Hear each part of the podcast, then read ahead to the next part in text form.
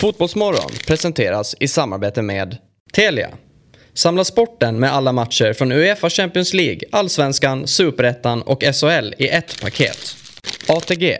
Odds på Premier League, Allsvenskan och all världens fotboll.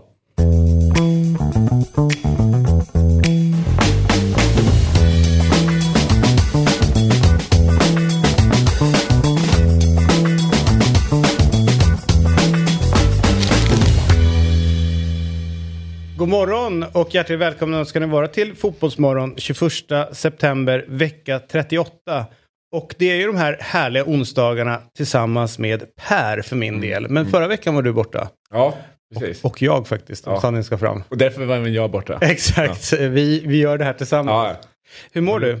Bra, alltså de här månaderna blir ju jobbigare och jobbigare ändå. Tack med mörkret. Mm. Exakt. Men jag känner nu den här veckan, alltså, även kroppen har gått på lite landslagsuppehåll. Ja. Tänk dig då hur det är för en afrikan så här tidigt på morgonen. Ja, ja. It ain't easy. Nej, nej. Men Eh, tänk då hur det är för en värmlänning, det är fortfarande lika jobbigt. Ex och, Exakt. Eh, vi ska också eh, hälsa välkommen till eh, en som borde spela i landslaget men tyvärr inte gör den, den här samlingen. Eh, proffs i Danmark. Danmarks bästa målvakt eh, just nu. Patrik Karlgren, välkommen hit. Tack så mycket. Hur är läget med dig? Eh, det är bra. Eh, jag kom hem från eh, Danmark igår natt. Eh, så jag är också lite trött, lite morgontrött. Ja. Eh, nej men det, är- det är jätte, jättebra. Så det är skönt att få några dagar ledigt och återhämta sig lite. Hur, hur är livet i Danmark som fotbollsproffs? Hur mycket skiljer det mot att liksom om man skulle vara i Sverige förutom det ekonomiska, för det skiter vi i nu, utan bara livet som, som fotbollsspelare. Skiljer det mycket Danmark-Sverige? Eh, nej, det gör det väl inte. Det är väl språket. Mm. Eh, sen ligan är väldigt fysisk. Eh, väldigt, väldigt hård liga. Eh, mycket, speciellt som målvakt, mycket utmaningar som målvakt. Eh, inte så många frisparkar med mig. Eh, men livet som fotbollsspelare i Danmark är fantastiskt. Och, ja, jag bor i en ganska liten, liten stad och jag har två barn och en fru så det är perfekt. Jag kommer från Falun så jag är van, att- van att bo i en liten stad. Precis, van med litet och eh, saker stänger tidigt och inget folk ute på stan och allt det där. Jag fattar. Det, Söndag, då är allt stängt. Exakt. Eh, men eh, etta i ligan. Ja, Hur, eh, vad är anledningen till att det går så här bra för Anders i år? Ni har ju ändå, ska vi, för folk som ska ha koll på det, successivt blivit bättre. Alltså det, är cup, det är cupvinster, det är ta stora skalper borta mot och hemma mot de stora lagen som det inte var för några år sedan. Men där har ni liksom börjat närma er. Men nu är ni etta och det är ju ändå lite, inte långt in på säsongen så, men ändå häpnadsväckande att det går så pass bra. Ja. Det var ju så Eh. att när du kom så var det precis att de hade undvikit nedflyttning va? Exakt. Ja. Jag skrev på eh, sommaren 2018. Eh, I juli eh, och i maj höll de på att åka ut eh, ligan, men klarade sig kvar i sista omgången i playoff-match mot eh, Helsingör. Eh, Mm. 1-1 borta och 2-1 hemma, eller 1-0 hemma. Eh, sen bytte de lite i styrelsen, tog in en ny sportchef, gammal spelare själv i, i både Randers och AGF. Eh, ny tränare som har tidigare också varit assisterande tränare i Randers. Tränade i Hobro, Thomas Thomasberg och sen har han bara fått in eh, bra, bra spelare och bra profiler och ja, ganska starka karaktärer men framförallt så har vi ett väldigt, väldigt bra omklädningsrum. Eh, vi har högt i tak och vi har det kul på, på träningarna och alla vill bli bättre och vi har bara fått en bra vinnar, vinnarmentalitet i klubben. V vad är liksom, eh, eh, ja men i Sverige så är det klart att man kan se olika steg vart man går i engelska fotbollen också. Oftast kommer du till en me- mellanklubb och sen så tar du steget upp. Från Randers, är det givet att man söker sig till FCK eller Bröndby eller brukar de i första hand liksom försöka skicka ut spelarna till andra länder i Europa? Alltså hur är Randers? Ja, för jag tänker att både Eh. Sverige och Danmark är lite grann av utvecklingsligor på det sättet. Ja men exakt. Eh, nej men det är väl ganska många som går från Randers och vi lite mindre klubbarna som går till Köpenhamn och Brumby och Midtjylland och, och så.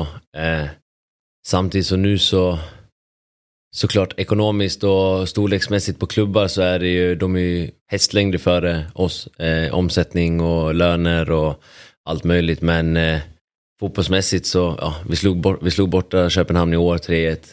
Eh, Spelade 2-2 mot Bröndby och spelade 1-1 mot Midtjylland på bortaplan. Så mm fotbollsmässigt så är det inte så jättestor skillnad. Eh, Men såklart det är en helt annan storlek på klubb så sett. Men eh, jag tror att steget ut från Köpenhamn är lättare än att ta steget ut från Randers. Jag tror liksom, det är mer ögon på klubbar som Köpenhamn och Midtjylland, Brumby. Liksom. Du säger att det är hårdare spel i danska ligan, kanske mer fysiskt. Eh, säger du att, eh, vad tror du att det beror på att de har den, eh, man, bilden är utav danska är ju ändå att de är mer tekniska än vad vi är. Alltså att det är den tekniska fotbollen snarare. Men alla man har pratat med, allt ifrån när Christer Nordin drog iväg för, ja men på medelåldern, så sa han ju Andis, det är mycket mer fysiskt där nere. Mm, jag tror det är ganska bra. Vad, vad beror det på att de, är det att domarna tillåter mer eller att det är liksom, Ja, det gör de framförallt på oss målvakter. Det är alltså, ofta hörnor så är det klumpar framför, framför mig. Eh, alltså de, de står bara och trycker en bort. Alltså det går ju inte att komma ut på bollen och, och ta den bort. Eh, så det gäller bara att vara stark och sen, jag vet inte, det är mycket fram och tillbaka. Eh, alltså det är väldigt hårda matcher. Det händer mycket i matcherna. Det är inte så, det är inte, nå, inte så mycket possession att ett lag bara står och de spelar, spelar runt och sådär utan det är liksom hög press och ja. ja det, är, det är rolig fotboll och det, det händer mycket. Det här med att, eh, att dans, dans, danska ligan är bättre, da, Danmark har lättare att få ut spelare i, eh, till de större klubbarna i Europa. Danmark har fler tränare som är liksom runt omkring och, och gör det bra. Eh, Märker du på något sätt att det är en bättre kvalitet? Och i så fall, vad är det de gör för att liksom, vara mycket bättre än oss här i Sverige? Vi blickar liksom ner mot Danmark och säger, vänta, de säljer spelare för 100 miljoner och det är inte konstigt. Nej. Vi, eh, vi bokar bord nere på Sturehof när vi säljer en för 40 liksom och liksom jublar. Det här är helt sjukt vad bra och duktiga vi är. Eh, de har fler lag som tar sig långt i, eller tar sig in i Champions League. Men vad tror du att det beror på? Är det strukturen med 51% regel? Finns det mer pengar? Är det, alltså, Alltså, vad är det, det- som gör runt sporten att de är... Det gäller att få in rätt ägare också. Det är liksom en, en, en klubb som Ersbjerg, jag vet inte, ni har säkert hört lite om Mm, mm. skandalerna. Eh, det var en amerikansk ägare som tog in och gick in och köpte klubben och tog över fullständigt. De gick från att de kom trea och fick broms i ligan till att spela i andra divisionen nu. Eh, fick in några ägare som köpte upp klubben och satte den fullständigt i botten. Eh, så det är liksom ingenting man, man vill. Eh, samtidigt som vi har också privata ägare som äger vår klubb. Eh, lite äldre människor, danskar. Eh, så jag, jag vet inte. Jag tror det är ganska, får man in rätt ägare med rätt ekonomi och rätt pengar så är det klart att det, det är inget dåligt med det. Eh, men sen, det är väldigt mycket professionellt runt omkring fotbollen och Ja, jag vet inte. Det är en hög nivå på spelarna och som du säger, liksom, Köpenhamn spelar Champions League i år, Midtjylland spelar Europa League och Silkeborg spelar Conference League. Så vi har tre lag som är ute och spelar i Europa. Vi var i Conference League förra året med Midtjylland och Köpenhamn. Så, jag vet inte, det är klart danska ligan har en, har en stor respekt ute i Europa också tror jag. Med tanke på att med de klubbar som finns och det de har gjort i och sen också Danmarks landslag också ut det väldigt bra. Men du som har varit i Sverige och Danmark då, här är vi så oerhört, eh, vilket jag då såklart eh, gillar, 51%-regeln, att vi för den. Och jag tycker det är härligt med att man är ägare utav sin egen klubb, alltså bara man blir medlem någonstans. Men sen finns en del och säger så här, men titta på Danmark. Det är mycket bättre nivå där och det är för att det, går snabb, det är snabbare beslut när det är bra ägare. Märker man skillnad att spela i, i Sverige vad gäller liksom medlemmarnas inflytande kontra till Danmark där det kanske är mer att det är en familj som äger eller en tydligare liksom ägare utav det? Nej, alltså. Jag vet inte, som du, som du säger själv, 51%-regeln i Sverige. Eh, jag tror väl det också är något, en, som du säger, som supporter och som, som ja men för AIK exempel, som eh, jag tror att det är en, en fin grej för, för medlemmarna att och, och känna det också tror jag. Eh, sen tror jag också att eh, jag tror att det är en, jag vet inte, såklart pengar spelar ju en stor roll in liksom och har man en ägare som äger så kan man ju kanske investera lite snabbare och köpa bra spelare snabbt. Ligger man lite minus eller någonting så kanske de kan skjutsa in lite och få liksom ordning på klubben direkt. Eh, beroende på vem som äger Mm. och vad de är beredda och villiga att göra. Liksom. Det kostar också mycket att driva en klubb. Så det gäller verkligen att få in rätt ägare. Sen får man in fel ägare så då kan man bara kolla på Jesper, då kan det gå den andra vägen lika snabbt. Liksom. Så det gäller verkligen att ha fingertoppskänsla. Men vad är statusen på den allsvenska? Om man, eh, om, för det är alltid intressant så här utifrån perspektiv. Det är klart, vi ser ju alla fel och brister som finns i allsvenska, eh, alltså ligan. Men, Ni är ju experter. Ja, exakt. Men det finns ju jättemycket, alltså man älskar den ju för att det är vår liga. Ja, ja. Men hur ser man på liksom svenska, alltså allsvenskan, hur ser man på den i Danmark? Alltså mm, spelare och liksom vad, vad de tycker Nej, men jag, alltså, jag tror många, jag har många i laget som liksom, nu var det en som lämnade för att spela i Cluj, men han sa alltså jag skulle lätt kunna spela i Sverige. Alltså, den svenska ligan är väldigt respekterad i, i Danmark. Så det är många som kollar allsvenskan, många som har koll på Stockholmsderbyna, alltså Malmö-Helsingborg-derby. Alltså, liksom, eh, folk har verkligen, verkligen koll på allsvenskan och den är väldigt respekterad där också. Så det är liksom, Och Det, det kan jag tänka, som du säger, handlar mycket om derbyna, det liksom supporterskapet eh, och allt. Jag tänker nu med, Ja, det, är de, det är de lite avundsjuka på i, i Danmark. Hur mycket Ja. fans, Mm. eh, hur mycket publik det är varje Mm. match. Eh, och sånt där. Och det är, det är ju någonting som Danmark saknar kontra Sverige. Alltså, jag tänker hur det är, om man tänker träningar då, alltså professionaliteten kring målvaktsträning. Så jag vet, ni pratade igår väl om liksom Ja. Brasiliens Ja, ja, eh, ja, de där, historia. ja. Att de, de, insåg så här, vid millennieskiftet att så här, fan vi kan ju ha målvaktstränare. Då blir målvakten ännu bättre. ja. Eh, vad, hur ser du, är, liksom, är det ännu mer fokus på, alltså hur ser målvaktsträningen ut? Där? Är det Nej, mer det- professionaliserat även där? Ja, alltså det är väl som i Sverige, alltså målvaktsträning som målvaktsträning. Alltså, eh, sen har man liksom, jag har haft några målvaktstränare under min karriär och stött på, så man liksom, man plockar med sig lite från alla. Idag har jag en liten äldre målvaktstränare, jag tror han är 56 eller någonting. Mm. Han har varit i Randers i många, många år. Han är liksom lite mer old school mot den tyska, tyska målvaktsträningen. När jag var i Nordsjälland så hade jag Iñaki, han var spansk. Mm. Eh, han är i Arsenal idag som målvaktstränare. Mm. Så Vad, är det, vad är det som skiljer de olika skolorna då? Alltså han, eh, Iñaki, det var, det var väldigt hårt, intens. Eh, alltså snabba fötter, liksom 45 minuter nonstop träning. Eh, inte så mycket fotparader utan mer med händerna liksom. Mm. Attackera bollen, dos manos, dos manos, han skrek hela tiden. Eh, så det var, men han var ju fantastisk. Eh, han utvecklade mig också till en, till en annan nivå och lära sig lita på sina egna reaktioner. Mm. Eh, och sen han, tyska målvaktstränaren, han, han, eller han, vi har en dansk men han är lite mer åt det tyska hållet. Men han eh, gillar mer fotparader, blir stående länge och sånt där. Liksom, så man kan ju plocka med sig lite av, av alla.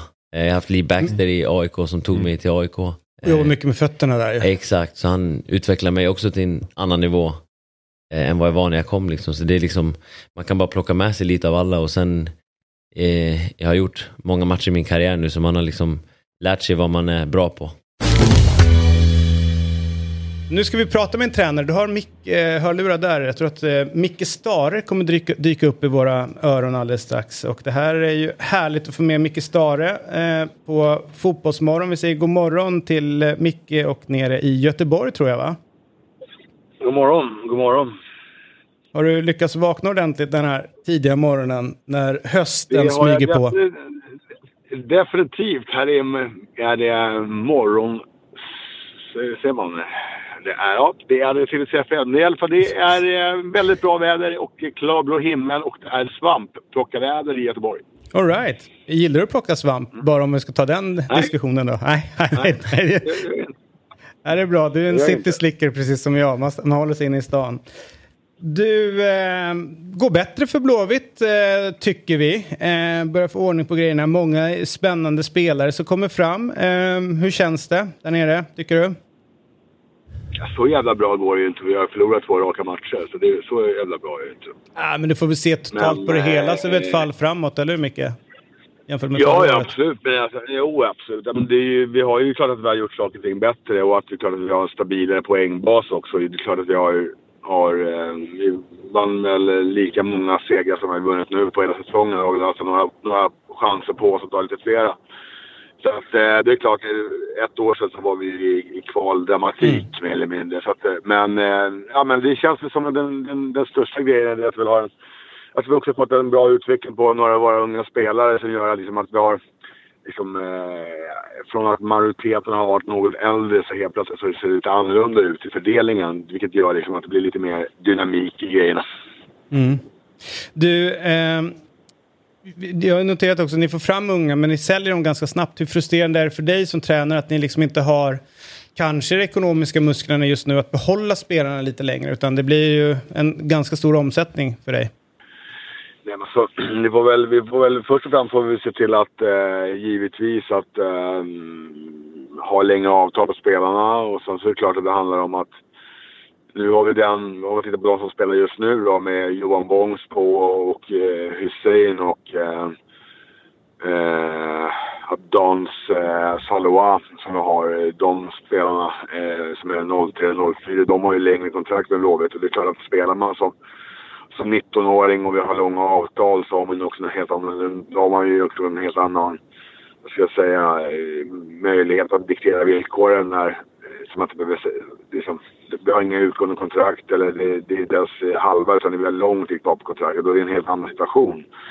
Så att, eh, ja, det är egentligen svar på din fråga. Eh, Bångsbo då, tycker jag är superspännande. Vad kan du berätta mer om honom?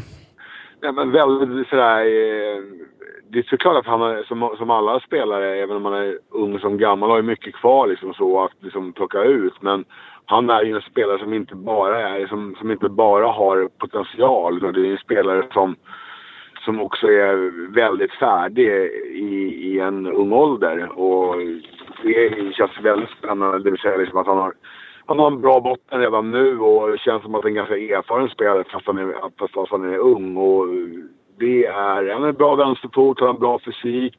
Eh, hans på den här utmaningen med honom, det blir ju som att han också ska liksom, gå fullt i alla situationer för då, då är han ju ett monster mer eller mindre fysiskt sett. Alltså det är en extremt spelare. Mm. Men du, eh, jag tänkte lite grann på de äldre spelarna så är det en del som eh, man imponeras av, i synnerhet Marcus Berg. Alltså det spelar liksom ingen roll om han gör mål eller inte, det är ju en klassspelare. Hur är det att ha en sån eh, pjäs i, i träning? Vad, vad, liksom, vad kan du ta hjälp av honom eller liksom, hur är det att ha honom i träning? För han är jävligt, alltså, så jävla bra. Nej men han är, han är Marcus är ju en, är, är en jätteskicklig spelare. Sen så är det klart att han är ju han kämpar ju fortfarande en del med sin fysik och, liksom och, och, och så, men han står ju i träning mer eller mindre var, varje dag. Så alltså, nej, det är en, det är en superkille, absolut. Sen så är, har vi, sen måste jag säga det att spelare som dels Gustav Svensson som alltid står med hans någonstans liksom pålitlighet i spelet och defensiv eh, skicklighet och så. så. Oskar Wendt är ju en spelare som faktiskt får väldigt lite mm. cred och det kan jag säga, han har gjort en jätte, jättebra säsong. Alltså, han har haft Oskar Wendt har definitivt varit en inblandad till inblandning i att vi har också blivit bättre på hösten. Han har, han har varit mer delaktig i speluppbyggnaden. Vi har hållit i honom lite mer, alltså det vill säga lite mer längre in i plan. Eh, så att jag tycker att, jag tycker att Oskar Wendt har fått väldigt lite eh, uppmärksamhet. Alldeles för lite jämfört med vad han har presterat tycker jag. Mm. Du, eh, vi, vi pratade lite grann om danska ligan här med Patrik Karlgren som sitter i studion och han spelar ju där nere i Randers. Eh, mm. Vad ska svensk fotboll göra sig för att närma sig den danska ligan, tycker du, om man nu vill göra det? Alltså, ja, nu är det inte så att jag har detaljkontroll på, på, på den danska ligan som jag har hyfsat bra koll så är det så att ett så är det så att majoriteten av matcherna spelas på ett naturligt gräs. Mm. Den lilla grejen. Ganska den viktig. börjar där. Ja, sen så, eh, sen så finns det, har svensk fotboll tagit stora steg och så. så att, sen är det klart så har man ju, har man ju skattelättnader på, på ett annat sätt också vad jag förstår. Uh, och, så att, eh, sen så kan inte jag, liksom, jag har inte insyn i den danska talangutvecklingen men, men, men eh, jag tycker att det, naturliga gräset tycker jag har, har en jättestor betydelse på, på, på utvecklingen och så blir det som att vi fostrar, att vi fostrar spelare som, som ja, jag menar ute i Europa spelas ju majoriteten av matcherna, eller givetvis på 90 alltså då förstår inte jag varför man ska spela runt, spela runt och spela på, på, på plaskor. Jag förstår det i den nordligaste delen av, av, av, av, Norden, men i övrigt så tycker jag att det, att det borde, när klubban också har bättre ekonomiska resurser idag och stabilare, så borde vi kunna, kunna säkerställa att vi spelar på naturligt gräs, tycker jag. Är det viktigare tycker du att eh, svensk fotboll försöker hitta pengar så att alla klubbar i högsta serien eh, har råd med naturgräs än att införa VAR till exempel? Utifrån att, eh, nu är, utan att jag är någon form av talesman för Göteborg i sammanhanget. Bara du person, vad du tycker som... Då, ty, då, tycker jag, då tycker jag att, det naturliga är viktigare än att, än att eh, videokamera. Mm. Eh, här, det är fan, jag och Micke håller med varandra. Ja. ja. men det har vi gjort många gånger så det är inga konstigheter. Jag håller med också. Ja, men det är en vettig människa. Ja, ja, ja. Han är från Stockholm. Eh, ja, det är, det vet Du, eh, två landslagsuttagna spelare, pratar, Joel... pratar, pratar, pratar jag eh, stockholmska eller pratar jag rikssvenska? Stockholmska? Ja. Eller ja, rikssvenska är det ju. Stockholm, stockholmska. Ja, men stockholmska är ju rikssvenska. Nej, nej Jo, det är en det. helt annan diskussion där. Men det är, är det inte. det är klart det är. Varför skulle det inte vara? Det- Majoriteten av svenskarna surrar stockholmska. Ja, Då men är det ju rikssvenska. Nej, nej. Jag skulle säga, rikssvenska är, den är neutral från andra dialekter. Fast det är ju våran. Nej. När man, när, man säger surr, när man säger surrar också. Exakt, exakt. Då vet man att man inte pratar rikssvenska. All right.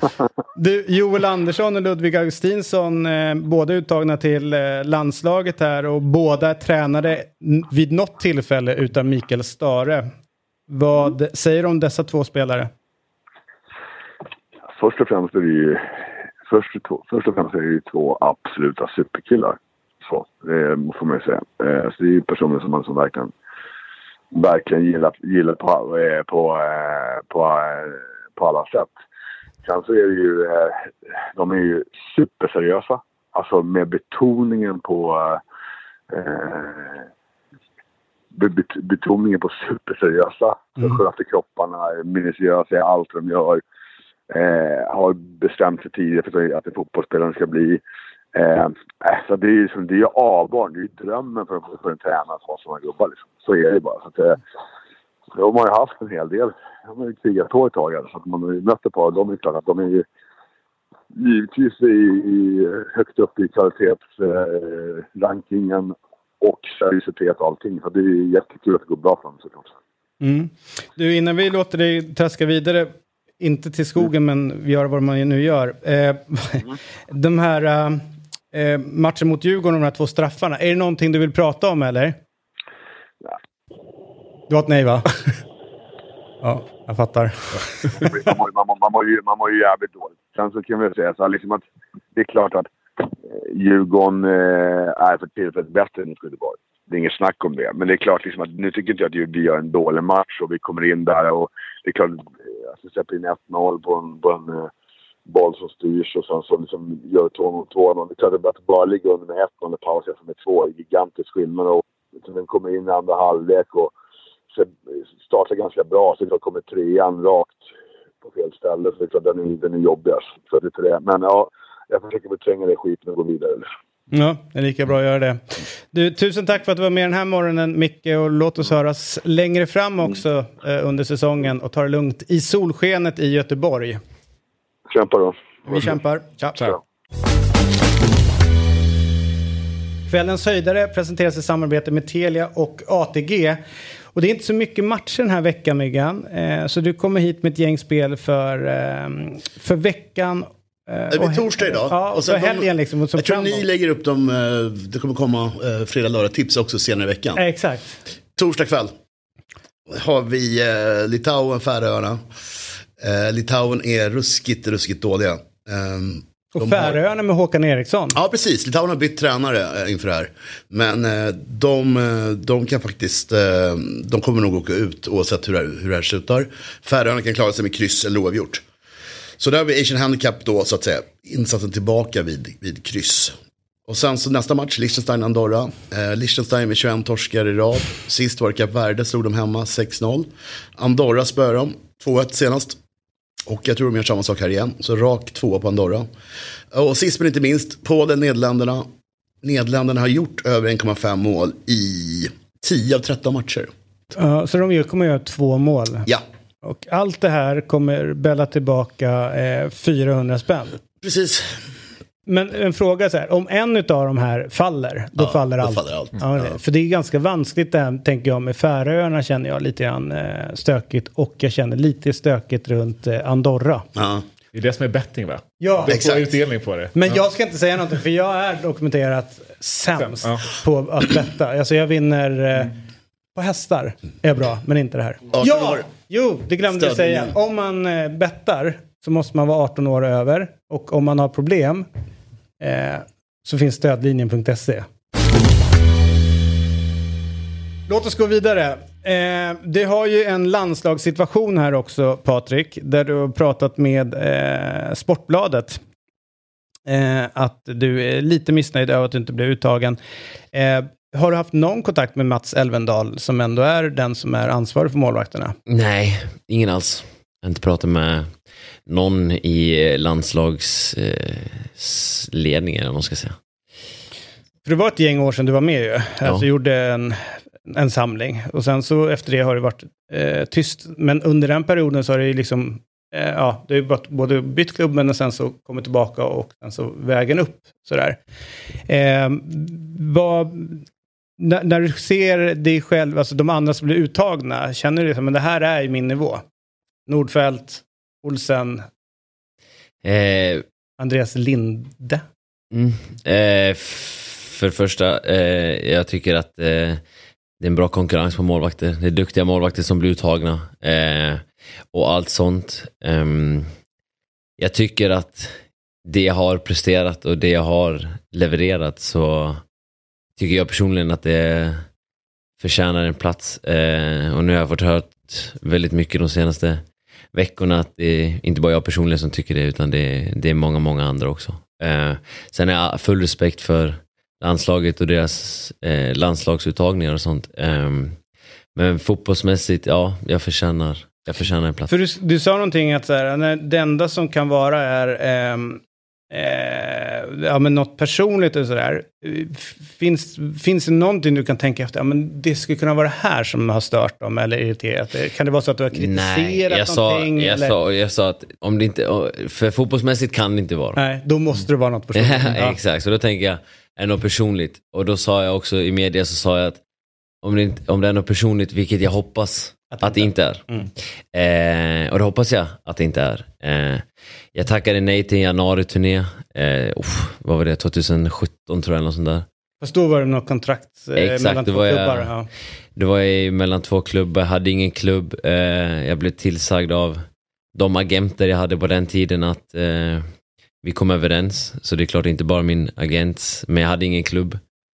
Och då sa min agent att det är nog, om det sker någonting på, på januari-turnén och du blir skadad och inte har en klubb så hamnar du i en ännu värre Mm. situation Mm. Eh, än vad jag var i. Eh, och då var beslutet att, och plus att de hade en klubb på gång sa de. Eh, så då tackade jag nej på grund av att jag var på väg till en ny klubb. Eh, och jag inte skulle bli skadad. Så det var liksom, jag blev tillsagd av att säga nej. Mm. Eh, men det är klart att det är jag som ringer och Ja, exakt. säger nej. Eh, så, men det hur många i landslaget idag har inte tackat nej till en januari-turné liksom. Så Nej. det, jag tycker inte att det, det ska vara något sånt. För det, när man läste Jannes citat där i samma artikel så kändes det lite som att han, ja, men de letade i liksom ersättaren här nu med, med Leopold, letade efter någon med kanske lite annan åldersprofil. Mm. Så kunde man ju läsa mellan, mellan raderna.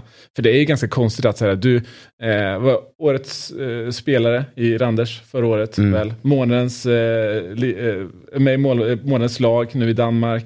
Eh, det måste ju vara Sveriges mest formstarka målvakt. Eh, Med tanke på att, jag menar, vi har Robin liksom- spelar ju Robin inte. spelar inte. Nej. Nordfeldt har inte haft sin Nej, starkaste exakt. Eh, ja, eh, om ni säger det. Eh, absolut. Ja, det Tack så mycket. Det säger vi. Tack så mycket. Eh, nej, men eh, det är klart. Eh, det är klart att det har gått bra. Jag hade näst högst räddningsprocent förra säsongen efter Mm. Köpenhamn och de blev mästare. Jag ligger nummer ett nu. Och allt möjligt. Jag har liksom två säsonger i rad haft mest avslut på mål Mm. och flest räddningar i ligan. Så det är klart att det har gått bra personligen, och, men framförallt har vi gjort det väldigt, väldigt bra som lag. Mm.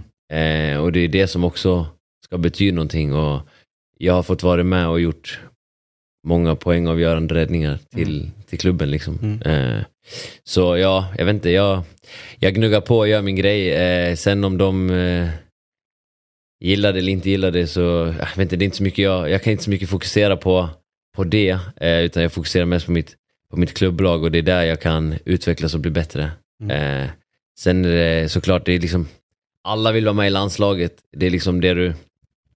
Gör du något bra i din klubblag så liksom din bonus och din liksom bekräftelse är här att här Carlgren eller här vem det nu är. Eh, här har du för att du har gjort det väldigt, väldigt bra i din klubblag. Mm. Eh, och du har spelat alla matcher och alla minuter och gjort, gjort vad som krävs för att komma med.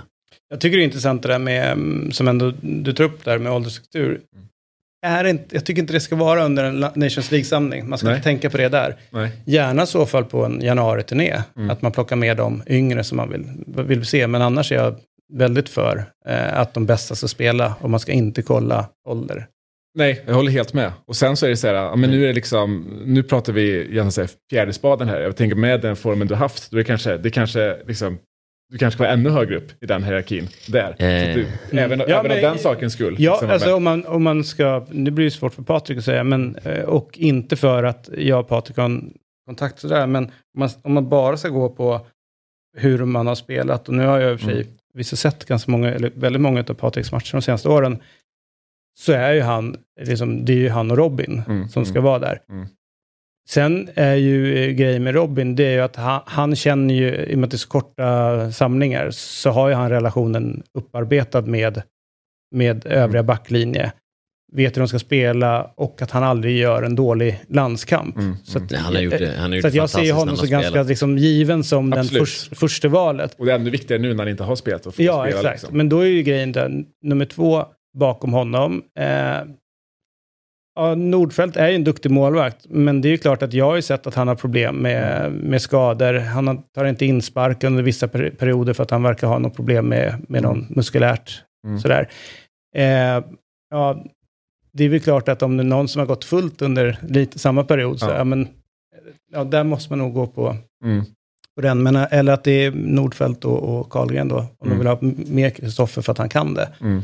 Men jag tycker att det är en märklig värdering runt, runt det hela. Eh, och jag tycker än mer eh, irriterande, eh, och det här är ju tillbaka även till fotbollsträningar, men det är någonstans där huvudtränarna är så jävla slarviga med att liksom engagera sig runt målvakterna. Mm. De kan på riktigt sitta och säga så att det är inte mitt ansvar riktigt, utan det är Mats Elvendal Mm. som gör det. Men du är ändå förbundskapten, eller du är ändå huvudtränare om det är någon, i någon annan klubb som väljer liksom vilka spelare man har för att vin, verkligen vinna. Mm. Ska man då helt plötsligt säga, nej men jag kan inte centrala mittfältet riktigt, så jag skiter riktigt i vilka, alltså Mm. det blir sån konstig, det blir sånt konstigt resonemang runt en, en, en position i ett lag. Som jag tycker man kanske borde Verkligen. lite med. Speciellt när det är positioner i landslaget och varit eh, ja, med förra samlingen där vi har liksom yng, yngre på uppgång. Jag tänker liksom säga, men vänsterbacksplatsen, högerbacksplatsen. Eh, och där har man liksom valt kanske lite mer äldre rutinerade spelarna även på liksom, vad ska man säga, reservpositionerna. Sådär. Och att eh, det, det känns som att då har man olika standards på ut- Mm, mm, och målvaktspositionerna. grann. Plus att det är ju, tänker jag, liksom runt, just runt backar och sådär så har vi ju jättestora problem just Mm. nu. Ytterbackar så är det, eh, ja, det är inte helt lätt att vara Jan Andersson och Peter inte. Wettergren just nu. Mm. Eller mittbackar där Mm. folk är skadade och sånt där. Eh, men på målvaktssidan, trots allt, så, så ser det ändå relativt stabilt ut. Ja. I, eh, som i rela, i relativt sett. Härligt, vad kul att du kunde komma förbi denna morgon. Verkligen. Se höstens bästa matcher med Telia Sportpaket. Du får allt från Champions League, Allsvenskan, Superettan och SHL på ett och samma ställe. Telia Sportpaket ger dig all sport från Telia och Simor, inklusive allsvenskan och superettan från Discovery+. Förutom alla sporter, turneringar, ligor och matcher ser du också alla filmer och serier. Du kan även lägga till HBO Max utan extra kostnad. Och det bästa av allt, det kostar just nu bara 499 kronor per månad. Och du kan givetvis streama innehållet i apparna eller kolla på det genom Telias Superbox med 4K, wifi, Google Android TV. Så, höstens bästa matcher, bara 499 kronor i månaden. Älskar du sport? Skaffa sportpaketet på telia.se sport. Där ser du Champions League, Allsvenskan, Superettan och SHL på ett ställe. Tack till Telia som är med och sponsrar Fotbollsmorgon. Välkommen hit Thomas Turesson och Tom, eh, Tommy Lundberg. Är du från Åland? Jajamän. Det stämmer. Har ni, ni känner en viss connection där du och... Eh, Han berättade men jag hade inte genast koll. Men eh, Nej. Och Mycket sen trevligt. Har jag jobbat med en tredje ålänning nu, om jag räknar in dig då som nummer två. Eh, är ju, vad heter han, eh, Mi- Mikael, eller hur eh, Viktor? Han som vann Robinson. ja, Björklund. Ja, precis. Han dök upp eh, en gång. Så att han är trevlig.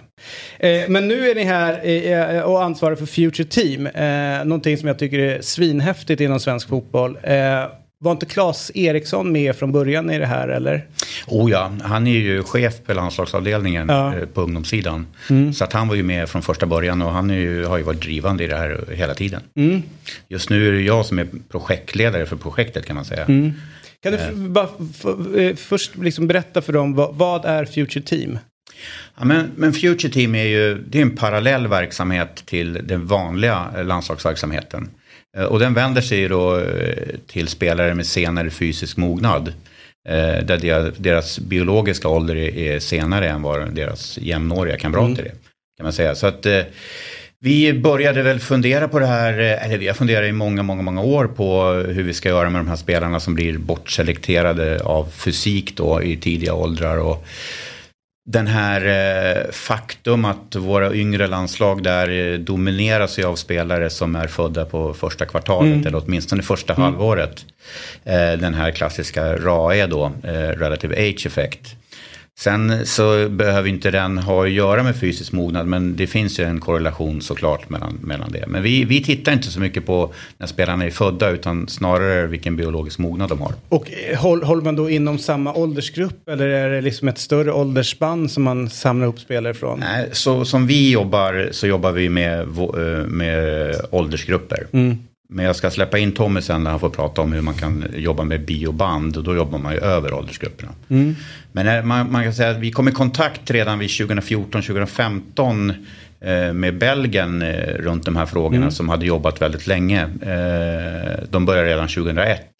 Där de tog ett beslut efter något eh, Europamästerskap när det kom in lite pengar att nu, nu måste vi ta tag i det här. Och de har ju jobbat eh, systematiskt under många, många år. Och vi, vi försökte haka på dem i början eh, tidigt där och vi förstod väl inte riktigt, riktigt i början vad, vad det handlade om. Vi tänkte väl mer shadow team då, de som låg strax bakom eh, de bästa spelarna. Men sen, sen eh, ju mer vi lärde oss ju bättre började vi förstå det här och då eh, blev vi bättre och bättre. Vi använde oss av ögonen då när vi plockade ut de här spelarna. Eh, ja, han ser liten ut, han har, lite han har inte så mycket muskler. Eh, och på så sätt eh, tog vi ut våra Future Team-landslag. Men, men det ser likadant ut. Future Team drivs på samma sätt som det vanliga landslaget och det är samma förbundskapten och, och sådana här saker så det ser identiskt ut i övrigt. Är det inte Jesper Karlsson, om inte jag har helt fel, den första Future Team-uttagna spelaren som sen når landslaget?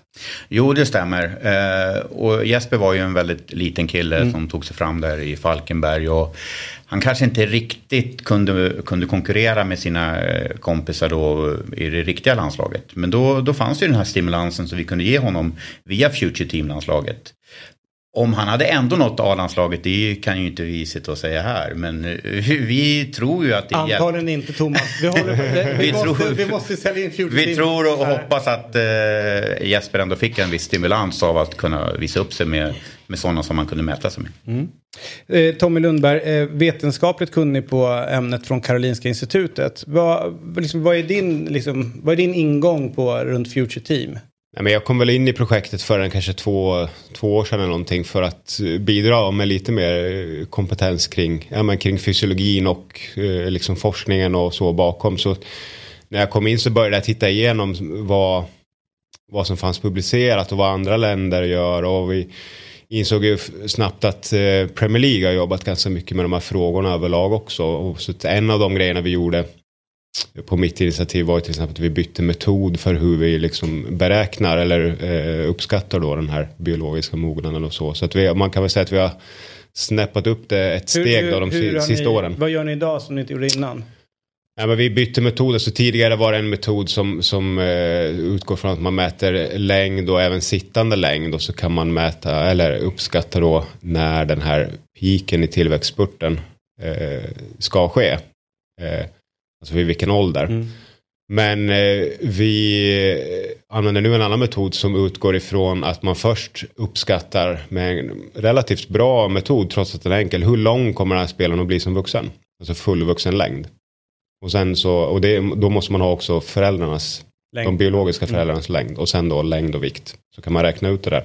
Och sen då så, så eh, mäter man längden. Så att om spelaren förväntas bli 1,80 men är nu 1,70 då är man liksom på 94% av fullvuxen längd. Och det är det som är själva Är måttet på för- var man ligger just nu. Men är det också gränsen för Future Team Nej. procentuellt? Har ni något sånt då? Nej, inte riktigt. Utan man, då gör man så här, okej den här spelaren är på 94% nu. Vad är snittet för den åldern? Ja, Ja, det kanske är 97% eller 91%. Så då, då, på det sättet, genom att jämföra med åldern så kan man då säga, är den här spelaren tidigare mogen än genomsnittet eller senare eller medel? Va? Och vi då, som, som ni har förstått det, i Future Team då så tittar vi på de som har en senare Mm mognadstiming än, än genomsnittet. Då. Mm. Borde inte, jag tänker så här, eh, nu, nu reps, representerar ni eh, förbundet och den verksamheten som är där när de kommer till landslaget. Men verksamheten sker ju ute i klubbarna.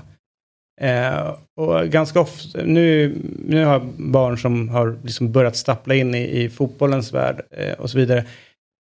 En del, eller ganska många lag man ser som är dominanta så är det ju de st stora spelarna. Alltså lagen satsar på att få in de stora, de, de som har akademin, akademier, de bästa där, fysiskt tidigt framme.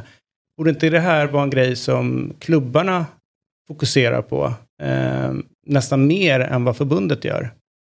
Ja, om du frågar oss, absolut. Vi, eh, vi jobbar nu mer och mer med, med SEF i de här frågorna. För att det är ju ute i klubbarna som det är action. Vi tar ju in spelarna, vi, Exakt. vi tar ju in dem när de är 15 år. Och det är ju alldeles för sent egentligen om man ska tänka på den här aspekten då. För när man blir bortselekterad i klubbarna, det är ju tidigare än så. Exakt. Och vi, vi tror ju det lilla landet vi ändå är att vi ska försöka behålla alla våra potentiella framtida elitspelare och landslagsspelare så länge som möjligt. Så att eh, vi har ju ett gott samarbete med SEF och vi har ju fått in vissa delar i den här certifieringen som de jobbar med nu. Eh, kring eh, fysisk mognad och, och lite senare biolog, biologisk ålder och sådär grejer som, som Tommy har hjälpt till med. Och vi har ett möte med dem imorgon också kring det här hur vi ska ta det nästa steg. Mm. Är det distrikten som väljer ut vilka som i I, början är det distrikten som väljer ut när de har de olika distriktslagen och så. Sen när, när Svenska fotbollsförbundet kommer in vid 15 års ålder. Det är väl Då har det- av första landslaget där va? Ja, Ja. Då har det ju redan skett en viss selektering ute i distrikten. Sen så kan man ju fortfarande komma in i landslagsverksamheten och future team-verksamheten liksom, utan att ha gått distriktsvägen. Man kan komma in från sidan. Eh, vi har ju öppna dörrar hela vägen. Eh, och framförallt för de här spelarna då som har varit lite senare fysiskt mogna och, och börja växla. Du säger att verksamheten är densamma i, liksom, det är samma förbundskapten, det är, liksom, de, de samlas och så. Men vilka lag möter de? Ja, eh, den är ju samma då. Man kan spela lite färre landskamper. Men vi, vi har ju ett samarbete som vi har haft under en lång period med Danmark eh, och Belgien framför allt. Sen är det vissa andra länder som kommer in lite då och då. Men de länderna, det är inte alltid de har förstått konceptet. Så de kan komma med liksom för stora spelare till våra lands, landskamper och då åker de ut. Så tar vi in nya som förstår konceptet. För vi vill möta de andra nationerna på samma villkor. Det är det det går ut på. Så där som jag var inne på tidigare då. Från början så tog vi ut spelarna bara genom att titta på dem. Sen så tog vi över Belgiens metod som kallas för Mirvald-metoden. Eh, och lärde oss jättemycket. Och då är det som Tommy var inne på förhållandet mellan överkropp och underkropp och massa saker att ta hänsyn till. För att få tag i den här peak high velocity då. Men nu har vi gått över till den här metoden som vi tycker är ännu bättre. Och tro till dig, men nu har vi liksom blivit lite, lite ledande i det här. Kul. Eh, Och Uefa har intresserat sig för och de bjöd in oss till en turnering här nu i augusti som vi var med. Och försöker lära sig mer om det här också, för de är inte heller riktigt på banan. Så vi har ju hängt i, i framförallt Belgiens tröja och försökt göra som dem då. Och nu tycker vi då, när vi har tagit in lite hjälp, med lite vetenskap i det här också. Inte bara gamla fotbollstränare som tror att de kan tycka till och plocka ut spelare. Så har vi tagit så stora kliv nu så att vi driver eh, utvecklingen framåt. Och det känner vi oss stolta över. Hur ser du Tommy på, det är väldigt många klubbar som har akademier och hur de liksom selekter, selekteringen som sker där. Är det så att man inte ska ha akademier för tidigt? Alltså ska man, sk- ska man liksom strunta i akademier tills det är uppåt 15 års ålder? Så att det inte blir den här selekteringen. Alltså, akademi är ju bara ett ord. Va? Alltså det, det handlar ju mer om vad, vad man gör i verksamheten i så fall och vad man erbjuder. Och det är klart att eh, om man har en väldigt eh, prestationsinriktad verksamhet och vill så att säga prestera här och nu med ålderslag långt ner i åldrarna. Det är klart att då kommer det att bli en så att säga, favör för tidigt mogna spelare. Och Men det vad vet säger, vi. vad säger vetenskapen forskning kring att, att foka på resultat i de åldrarna? Nej, det är, ju, det är ju ingenting man behöver göra. Det som är viktigt är ju i så fall att man eh, erbjuder verksamhet för många och att det finns olika ambitionsnivåer. Att man kan eh, träna mycket, man kan träna lite mindre. Så att man, och att, man, eh, att alla får spela och så vidare inom sina lag. Så att man inte selekterar bort i onödan då. Eh, utan att man ger bra liksom, spelarutbildning som vi pratar om mycket om till alla. För det, går, det vet vi ju från forskning att man kan liksom inte predicera i 14-15 års åldern vilka som ska bli elitspelare och inte ens på, på de här första landslagen så, så eh, verkar det ju som att de är Och jätteträffsäkra varför heller. gör man då selektering vid sju års ålder? Alltså som en del klubbar gör. Och säger liksom, "Nej, men Thomas du är inte tillräckligt bra för att vara med i vår akademiverksamhet här. Så du får söka till en annan klubb. Om all forskning säger att du kan inte avgöra huruvida någon kommer bli bra vid den åldern eller inte. Mm. Ja, det är ju en fråga som man ska ställa till klubbarna egentligen. Och jag, vad- jag, vad tror ni? För ni jag, tror att man, man vill vara bra från början för att kunna locka till sig spelare i, i periferin. Man, men kom till oss, vi, vi är duktiga och det är därför tror man har selektering eh, tidigt och, och jobba med, dem, med duktiga tränare, med de spelarna som har kommit- längst för tillfället. Man får inte glömma att det är för tillfället. Det är en tillfällig show för de här med, med lite tidigt. Men på ännu högre nivå liksom så är det väl, handlar det väl också om liksom, alltså föräldrar, tränare som själva har spelat och vill liksom, ja, men tävla på samma sätt som vuxna, vuxna tävlar. I, men i den åldern och det, det ska liksom presteras och vinnas kupper och matcher och det är liksom, man har inte riktigt det här tänket. Jag tror att det, det handlar mycket om det tror jag också. Att man eh, ser barn lite grann som småvuxna. Eh, istället för att bara se det som en utbildning och ett förhoppningsvis ge ett livslångt intresse. Och, för det är ju det är ju klart att det, det inte ska selekteras i sjuårsåldern och toppas och sådana saker. Det, för oss är ju det, men det är själv, självklart. Det är helt galet. Ser man någon liksom lite risk eller fara med att slänga in li, lite för unga och kanske ännu outvecklade spelare in i liksom, ja, men, eh, seniorfotbollen lite för snabbt? Jag tänker så här, nu har det varit mycket snack i helgen med att Arsenal skickade in en 15-åring, eh, en var nere på, eh, på planen här. Då har det varit mycket snack kring det om att så här, ja, han var liksom han var 12 när corona kom. Liksom. Mm. Det, eh, är det lite för ungt att liksom, eh, in, Nej, men, introduceras så, till- nu, nu såg inte jag honom men jag gissar att han är ganska tidigt utvecklad. Eh, kan man, det är ju så det är. Men, eh, många av våra klubbar har ju börjat eh, göra sådana här mätningar också. Eh, inte utifrån att de exakt vill veta vad i tillväxtspurten de är utan så att de kan anpassa träningen efter de här spelarna då som eh, har lite senare eh, biologisk mognad. Eh, och det, det finns vissa klubbar som jobbar stenhårt med det. Så att det är inte noll ute i klubbarna, de förstår det här. Men ska man vara sent fysiskt mognad och kunna komma in tidigt i elitfotbollen, då, då måste man vara riktigt, riktigt bra. Då måste man ha egenskaper som gör att man kan ta sig in.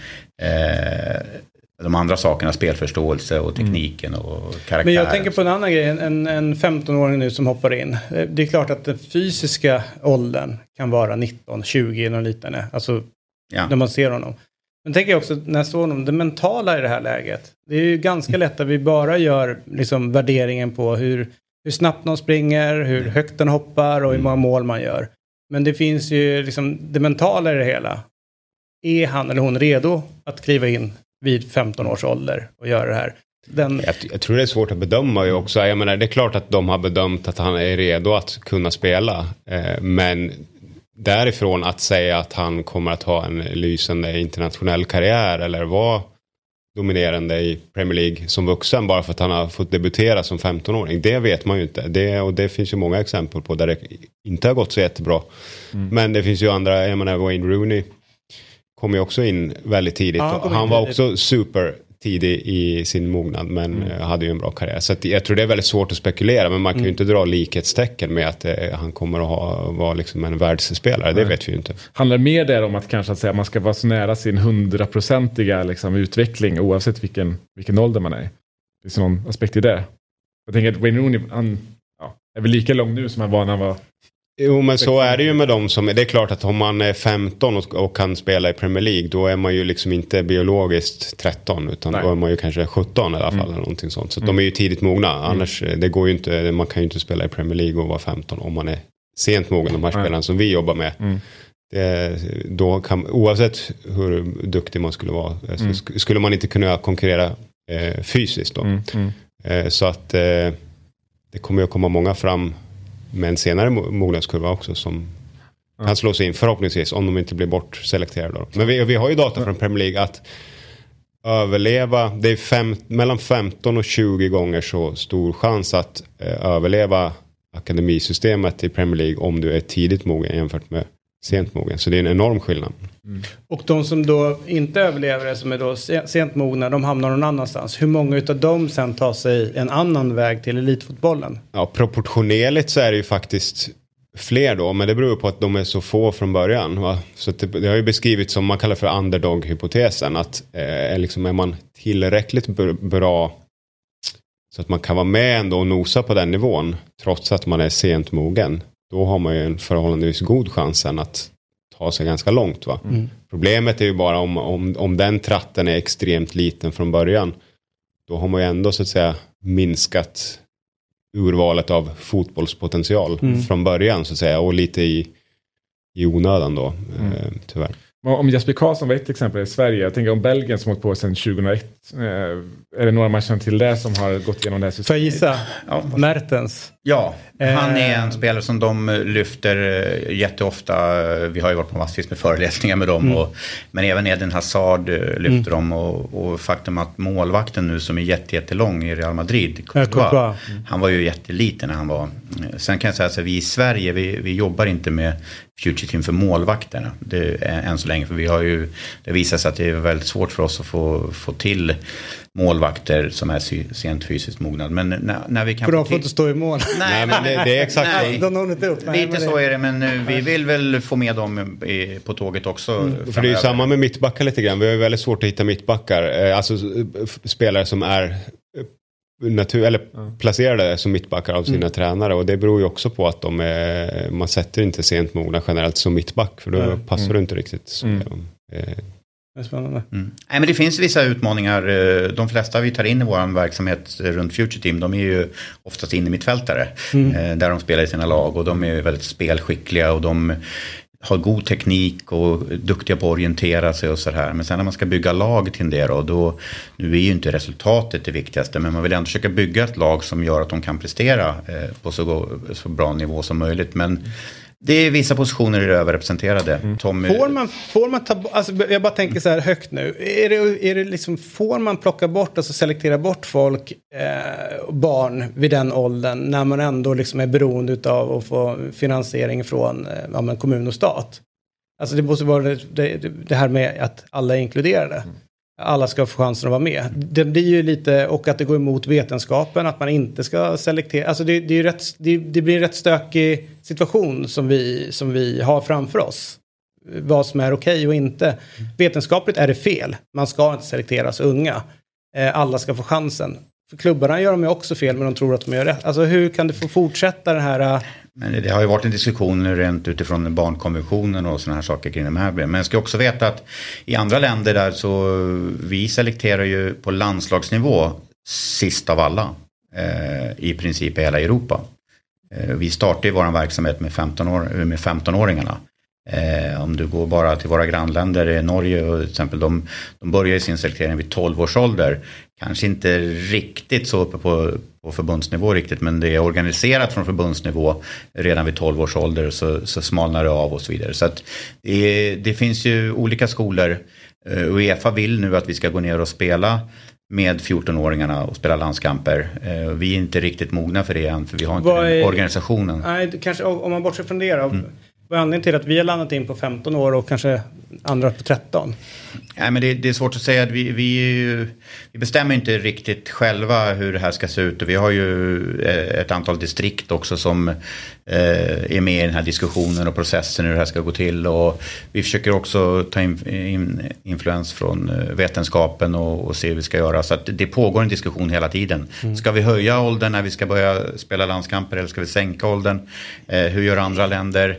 Det finns ju massa följdsjukdomar på det här. Mm. Då. Det är att en del av våra landslagsspelare som vi tar in vid 15 års ålder, de har redan spelat landskamper för Kroatien och Portugal och, lite andra länder. Mm. Som har tagit in dem i sin verksamhet innan vi har fått chansen att ta in mm. dem i vår verksamhet. Vilket gör att de kanske har en viss fördel. Det finns ju ganska många spelare nu för tiden som har dubbla medborgarskap. Mm. Som vi kämpar med dagligen. Eh, om det ska få vara en aspekt till att vi ska börja tidigare, det kan man ju verkligen diskutera. Men Vad tycker du? Det är en, nej, jag, jag, tycker kanske inte att det ska vara en aspekt, utan jag vill att vi, våran verksamhet ska vara så bra så att spelarna vill vara i våran verksamhet. Mm. Men det är klart att de har en fördel, de som tar in dem och får rå om dem i några år innan, innan lilla Sverige kommer och säger nu ska vi börja spela landskamper. Två, två tankar jag har, eller funderingar jag har. Vi här på jobbet gjorde den här um, blågula drömmar en gång i tiden, eh, de säsongen. Då var det ju pojkar födda 95 tror jag som var första gänget. Kristoffer eh, Olsson, Mujo Tankovic och så här. Det var så härligt att vara nära den, eh, den miljön. Det var ju Klasse Eriksson som satt som eh, översta kock. Yeah. Det var Magnus Wikman tror jag som var yeah. förbundskapten då. Det var liksom så här, just att ni pratade väldigt mycket om utveckling. Utvärderingen efter matcherna var liksom hur har de utvecklats? Det var inte så mycket fokus på, eh, på själva resultatet. Sen har ju det liksom gått vidare nu. Nu ska man inte räkna resultat eh, överhuvudtaget inom fotbollen. Och eh, då tänker jag det här med att vinna och förlora är ju liksom det är ju fotbollens själ. Du ska, du ska bli en bra vinnare och du ska kunna hantera en förlust. Men om du inte får träna på det vid ung ålder finns det inte ett problem att man inte förstår hela liksom, vad, vad sporten egentligen går ut på. Alltså, ja, jag vet inte, det? Ja, nu kommer inte ifrån ämnet lite grann. Men jag, jag, ja, men det är ändå, ja, men det är ändå med. Liksom... Jag, jag, förstår, men det, det, är inte riktigt så att man inte får räkna resultat. Utan det är väl snarare att man inte får skriva upp resultaten ja, i olika tabeller. Men det är ju, en viktig aspekt är ju att alltså, det som ungdomar uppskattar, barn och ungdomar och vuxna också, men framförallt barn och ungdomar, det är ju tävlings... Alltså varje situation, varje match i sig är ju en tävling. Och det resultatet och den kampen har ju, försvinner ju aldrig. Men det är ju det här, det finns liksom inget behov för barn att räkna ihop och ha tabeller och sådana saker. Det är ju mer för vuxna. Barnen ser ju varje träning eller varje match som sin tävling och sin utmaning och sin kamp. Som liksom fyller, der, fyller deras behov. Det och det är ju det som har varit en stor missuppfattning då. Att man inte får tävla, inte får räkna resultat. Det, det, det är ju det här med tabeller och så som man har tagit bort. Men varje match är ju fortfarande match. Idrott går ju ut på och tävla. Va? Så det där är ju, men det är ju ganska mycket missförstånd bakom det där. Det finns en ganska stor diskussion. Också. Vi har haft um, jo, men Peter, Peter Kisvalodi var här från Brommapojkarna som tänker kanske på, på ett sätt. Mm. Och så vet jag det finns, finns Men hur, hur ser ni vetenskapligt? Vad finns det runt det här? Vad finns det för stöd? Varför har vi valt vår väg medan andra länder kör ju kvar på liksom kanske mer traditionell. Nej men vetenskapligt där är det som jag säger att det finns liksom frågar man barnen och jag vet att engelska FA också gjorde en egen eh, jättestor utredning om det här eh, och precis fann, precis som i forskning också, att det är liksom från barn och ungdomars sida så finns det inte det här behovet att ha tabeller och utslagning och kupper och så, utan det är så att säga, våra, vår vuxen mm. idé om hur, hur, man ska bedriva. hur det ska gå till. Va? Och, och så, så, det är ju, alltså, och det var kopplat tillbaka till din fråga där om, om eh, vad som är tillåtet och inte. Det är klart att det är ju emot liksom, Riksidrottsförbundets principer också att ha selektering och så långt ner i åldrarna som du var inne på. Det tror man i vissa sporter och säkert i fotboll också har, har liksom löst det då genom det är väl i så fall att man kallar det för nivågruppering mm. eller nivåindelning, att mm. man har olika nivåer och så. Så att man så att säga eh, ingen väljs bort helt och det är väl så eh, mm. man Vilka spelare har vi har fått fram via Future Team genom åren? Ja, men vi har ju ganska många spelare i uh, allsvenskan. Mm. Vi har ganska många som har nått u nivå Jag kan ju rabbla några från eget huvud här, mm. men Daniel Svensson, om man tar senaste u här, så Daniel Svensson, så han spelar väl i Nordsjälland, Aymar Cher, Paulos Abraham, Eh, alltså det, det, finns ganska många, jag räknade ungefär 35 spelare eh, under de här åren och då räknar jag inte de här första åren vi höll på med eh, med Future Team då 97 och, och sådär. För då, då visste vi inte riktigt vad det var. Men eh, det finns, det finns många, många fler. De, nu, eh, Yasin Ayari till exempel i, i AIK, han är ju född 03. Han var ju själv och spelade Future Team-landskamp med 2019. Eh, och då, han var redan identifierad, eh, för han var väldigt duktig, av, av förbundskapten Roger Franzé på den tiden då. Men han kanske inte räckte till att få spela landskamper med, med det vanliga landskamper, landslaget. Men då var han med oss och spelade i Future Team. Och då eh, tog han sig sen in i det vanliga landslaget därifrån. Så han fick en, en extra stimulans kan man säga. Även Otto Rosengren som spelar i Mjällby nu var ju med på samma eh, eh, turné som eh, Yasin. Det finns, det finns mängder. Härligt. Ja. Eh, vi eh, tackar så hemskt mycket för, för er två. Jag minns ju dig som fotbollsspelare, så gammal är Bayern en gång i tiden. Och du ledde landslaget på 80-talet om inte jag har fel.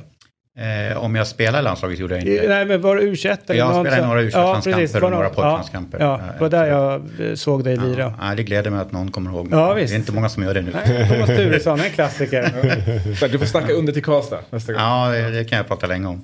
Ja, eh, Nej, men vi är jätteglada att vi får komma för vi vill ju få ut information om det här Mm. såklart. Eh, Och dessutom nu när vi tycker att vi har tagit kliv eh, med hjälp av då Eh, vetenskapen. Eh, jag kan också passa på att säga det, vi har ju ett elitprojekt eh, på Svenska Fotbollförbundet som det, det egentligen ska det ju utmynna i att det ska vara fortsatta framgångar för A-landslaget.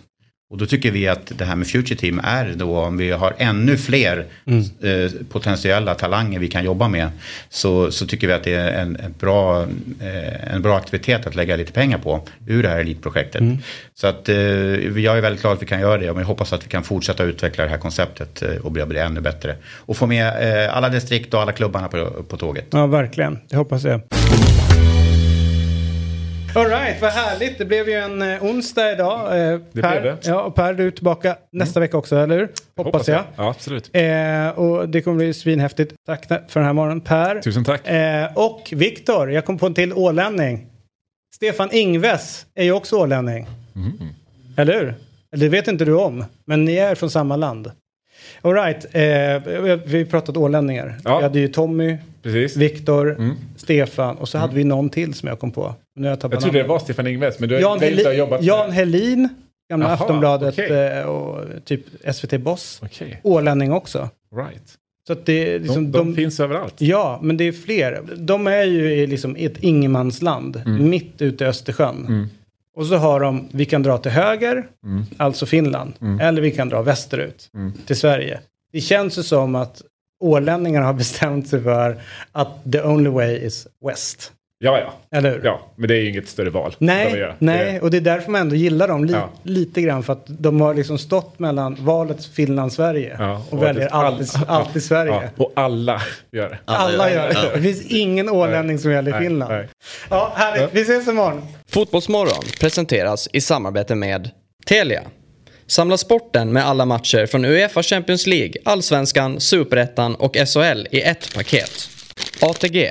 Odds på Premier League, Allsvenskan och all världens fotboll.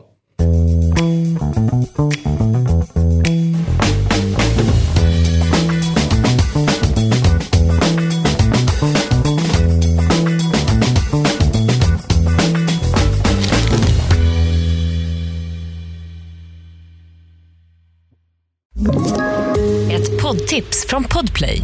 I fallen jag aldrig glömmer djupdyker Hasse Aro i arbetet bakom några av Sveriges mest uppseendeväckande brottsutredningar. Går vi in med hemlig telefonavlyssning och, och då upplever vi att vi får en total förändring av hans beteende. Vad är det som händer nu? Vem är det som läcker? Och så säger han att jag är kriminell, jag har varit kriminell i hela mitt liv men att mörda ett barn, där går min gräns. Nya säsongen av Fallen jag aldrig glömmer på Podplay.